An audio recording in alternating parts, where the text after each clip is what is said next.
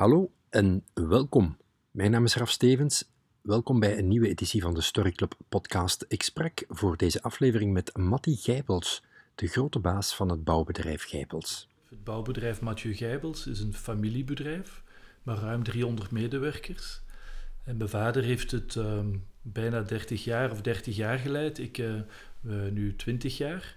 Dus volgend jaar bestaan we 50 jaar. 20 jaar Matti Gijpels aan het hoofd van het familiebedrijf. En dan denk je misschien, Matti zal het ondertussen wel gewoon zijn om zijn verhaal te brengen. Maar niks is minder waar. Want wat je mag weten, Matti zei meteen bij de start van ons gesprek dat hij het niet altijd makkelijk vindt om over zichzelf te praten. dat is, dat voor mij is dat ook zoiets van met Facebook. Bijvoorbeeld Facebook, ik, ik probeer het te begrijpen, maar ik vind dat iets heel moeilijk. Ook als ik, als ik een tijdje ben ik op Facebook geweest, nu niet meer. Ik vond het altijd heel moeilijk om, maar wat ga ik daar nu op zetten? Wat dat interessant kan zijn voor anderen. Over Facebook gaan we het niet hebben. Over het bouwbedrijf Gijbels eigenlijk ook niet. Wel over een stuk van het persoonlijk verhaal van Matti. Iets dat hem vandaag inspireert, zeg maar. En daar kwamen we eigenlijk, een beetje toevallig misschien, pas op het einde van ons gesprek op. Hier al een tipje van de sluier opgelicht. Wat is mijn diepste kracht? En als je die vindt en als je daar naar leeft, ja, dan, dan, dan kom je ook echt in in je essentie, maak je contact met je diepe essentie. Vind je diepste kracht en leef ernaar. Het zou zo toch een zin kunnen zijn om op Facebook te delen, dacht ik. Ik vroeg me ook af, hoe komt het eigenlijk dat Matty het niet altijd makkelijk vindt om over zijn visie of levenshouding te praten? Zie je wel meer dan genoeg materiaal om deze editie van de Story Club podcast te vullen. Misschien hiermee starten. Waarom vindt hij het eigenlijk zo moeilijk om over zichzelf te praten? En waarom aanvaarde hij dan nu toch deze uitnodiging voor gesprek? dat is eigenlijk nu twee weken geleden.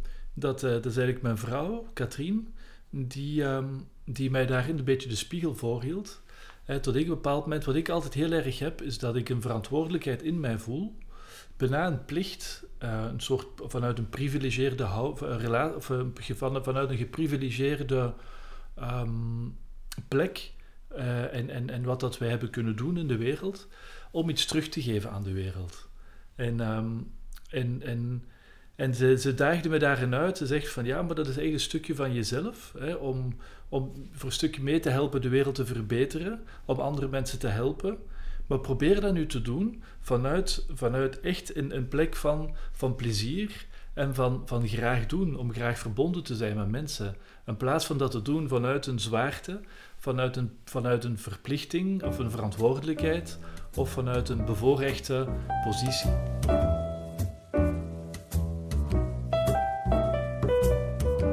Matti is ook deel van de Organization of the Future. Ik lees even wat er hier op hun website staat. De Organization of the Future is een lerend netwerk van mensen die veranderkracht hebben in hun organisatie.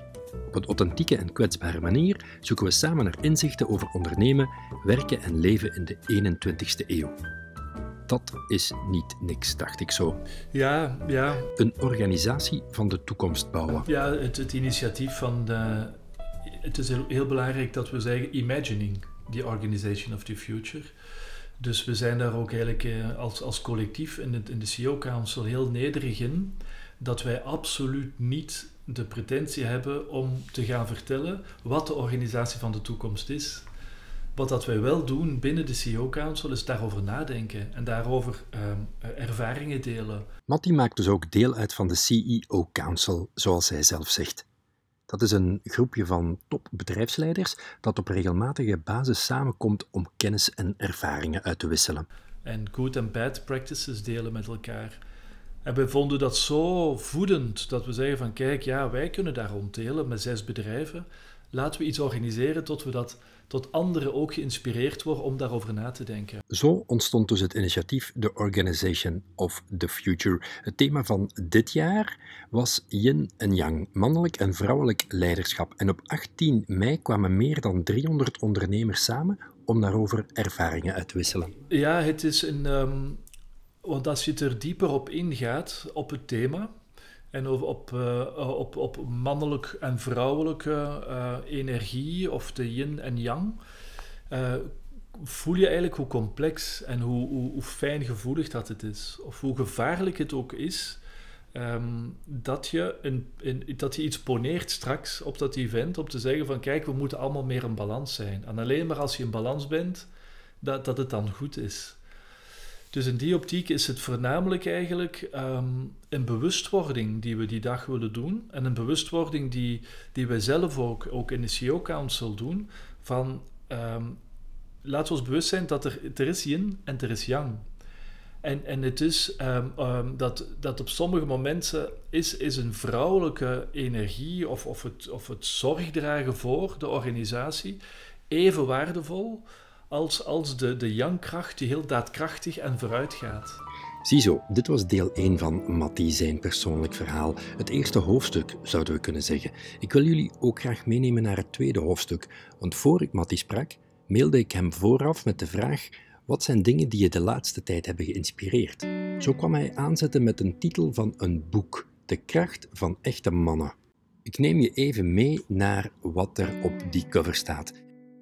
In het boek De kracht van echte mannen wijst David Deida, de moderne man, de weg naar een daadkrachtig leven vol integriteit, authenticiteit en vrijheid. Het boek laat zien hoe een man een bevredigend leven kan leiden door ruimte te geven aan de kern van zijn wezen, zijn mannelijkheid. De kracht van echte mannen. Ja, is dat, zou je dat kunnen linken aan het thema van Organizational Absoluut, absoluut, helemaal. Want waar gaat het boek over? Kan je het gewoon kort even schetsen voor zij die het niet gelezen hebben? Ja, dat, dat, is, dat is, vind ik niet makkelijk. Maar wat ik, wat ik voornamelijk daarin zie, is dat hij... Uh, de basis is eigenlijk relaties. Dus, dus, uh, en dat kunnen homo-relaties zijn of hetero-relaties zijn. Dat, en en ook, ook relaties, ook, um, ook professioneel, maar laten we het even houden in een, in een partnerrelatie gaat het heel erg over wat is uw mannelijke en uw vrouwelijke essentie. Wat is uw... Uh, en, en, en dat, om, uh, dat het heel belangrijk is dat je, dat je uh, als je zelf in een heel mannelijke essentie staat, dan word je aangetrokken en kun je het best eigenlijk partner met een vrouw die heel erg in haar vrouwelijkheid staat. En hij spreekt ook van 50-50 relaties. Man-vrouw die een beetje beide hebben en een beetje afzwakken, wat heel vaak gebeurt. En het voornaamste is, en dat vond ik voor mij heel voedend, is van kijk, als je dat doet, en dat zie je ook dikwijls in, in professionele relaties, van gaan niet te streng zijn en niet te, niet te hard zijn voor elkaar, dan krijg je ook voor een stukje um, passieloze en een beetje afgevlakte relaties. En vooral ook in de intimiteit en je seksualiteit heb je voornamelijk polariteit nodig hè, om, om uiteindelijk echt in die energie stromende te houden. En, en, dat is, um, en uiteindelijk wordt daar in dat boek heel erg wordt je uitgenodigd om echt op zoek te gaan naar je diepe essentie. Wat is mijn diepste kracht? En als je die vindt en als je daar naar leeft, ja, dan, dan, dan kom je ook echt in, in je essentie, maak je contact met je diepe essentie. Uw mannelijke of uw vrouwelijke, of een combinatie van de twee. Maar, maar dan ga je ook, en als je dat echt beleeft, dan, dan ben je ook veel energieker en ook veel aantrekkelijker. Dus, uh... Wat ik daar mooi aan vind, is, is dat het niet vertrekt vanuit de gedachte, ja, je moet dat perfect in balans hebben in jezelf, die yin en yang, je moet dat goed in evenwicht houden. Dan zegt hij, nee, ga, ga op zoek naar daar waar jouw essentie zit en ga daar volop in staan. Ja, ja maar ik, wat voor mij het heel, um, heel um, intrigerend was en heel, uh, dat me heel erg wakker gemaakt heeft, is hoe dat hij beschrijft, hè, als, als je als man echt in je mannelijke in essentie staat, dan is het eigenlijk zo dat je echt, dan ga je voor je levensdoel. Zoals een krijger hè, of een ridder die gaat voor, hè, voor, voor, zijn, voor zijn doel. En dat, dat eigenlijk voor een vrouw, hè, want ik wil zeggen van ik wil heel mijn energie en, en ik doe alles voor jou. Nee, een vrouw wil juist dat een man gaat voor zijn strijdmotief, voor zijn doel in het leven. Dat maakt voor de vrouw de man veel aantrekkelijker dan dat hij op, een, op dan meer een afgezwakte, dubbelzinnige manier voor haar kiest. Dat is toch schoon? Hè? Heel ongelooflijk.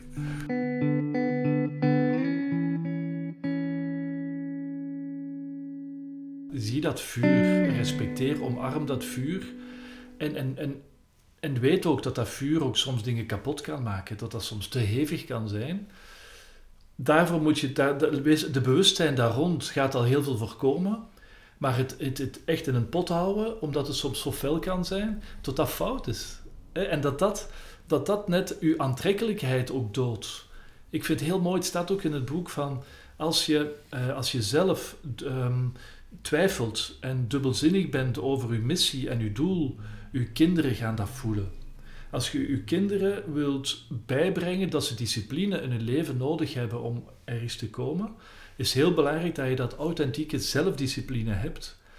Dus als je vol liefde, maar wel een volle aanwezigheid, maar daarnaast ook vol kunt gaan voor die missie die je nastreeft, ja, dan, dan ben je het mooiste voorbeeld voor je kinderen. Ook al ben je er dan misschien niet vaak, omdat die missie je zo opslorpt dat je eigenlijk maar, maar minder tijd hebt om daar te zijn. Zie het vuur. Ga vol voor je missie. Mooi, maar wat betekent dit voor Matti, bedrijfsleider van het bouwbedrijf Gijbels? En wat betekent het voor zijn medewerkers? Ja, maar daar, daar komt een heel belangrijk element nog voor mij. Hè? En dat is iets wat ik heel boeiend vind om dat te gaan exploreren, ook in ons bedrijf. Is namelijk van om echt iedereen individueel, alle medewerkers te begeleiden en de kans te geven om op zoek te gaan naar die diepere essentie en naar echt hun hogere doel. Ja? Om dan vervolgens af te toetsen op welke manier komt dat overeen uiteindelijk met het hogere doel van het bedrijf. En als dat is, ja, dan, dan laat dan mensen voor dat doel gaan. En bijvoorbeeld, ehm, als er dan een conflict is, dan, dan, dan heb je eigenlijk liever dat mensen gaan voor dat doel, voor het bedrijf, dan dat ze soms te fel eigenlijk de relaties van, van de collegialiteit gaan, gaan focussen. Niet tegenstaan dat dat ook heel belangrijk is, maar op sommige momenten, als het hogere doel in gedrang komt, omwille van het afzwakken van, en een beetje het afschermen van elkanders, uh, misschien um, valkuilen of fouten die gemaakt worden, dan, dan is denk ik heel belangrijk van, van nee, ga voor dat hogere doel. En ik heb dat ook heel erg gezien ook. Ik heb uh, afgelopen jaren, ik was enorm geïnspireerd door, uh, door het boek van Frederik Laloux. Reinventing Organizations. Dus omwille van de, de, de zelfsturende teams. En, en voor mij was het bijna het doel op zich geworden van, oh, dat zou ik super vinden, zo'n zelfsturend directieteam. En, en ik, zag, uh, ik zag eigenlijk niet, um, ik zag eigenlijk niet bij mezelf dat, dat, dat, ik, um, dat ik eigenlijk het doel van het bedrijf aan het verliezen was. Ja? En, en ook de vraag stellen van, maar heeft onze organisatie zo'n sturing nodig? En staan we daar al hè, in die fase?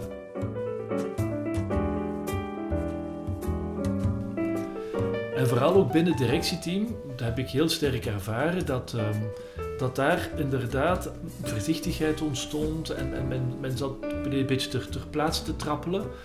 Um, omdat denk ik ook die, die, die, dat hogere doel misschien onvoldoende duidelijk was en gedragen werd en voor gevochten werd. En vandaag hebben we nu toch iets anders, weliswaar een team dat heel erg uh, zijn, zijn, zijn aanvulling bij elkaar heeft, een complementariteit, maar wel met een leiderschap. En dit is een model dat beter bij ons bedrijf past. U luisterde naar een nieuwe editie van de Story Club podcast. Mijn naam is Raf Stevens. Ik sprak met Matti Gijbels, de bedrijfsleider van het bouwbedrijf Mathieu Gijbels. Volgende week zijn we met een nieuw sterk verhaal. Wil je dit verhaal delen? Ga dan naar Facebook, de Story Club podcast, of naar watisjouwverhaal.be. Er staan ondertussen meer dan 50 leiderschapsverhalen online. Tot een volgende keer.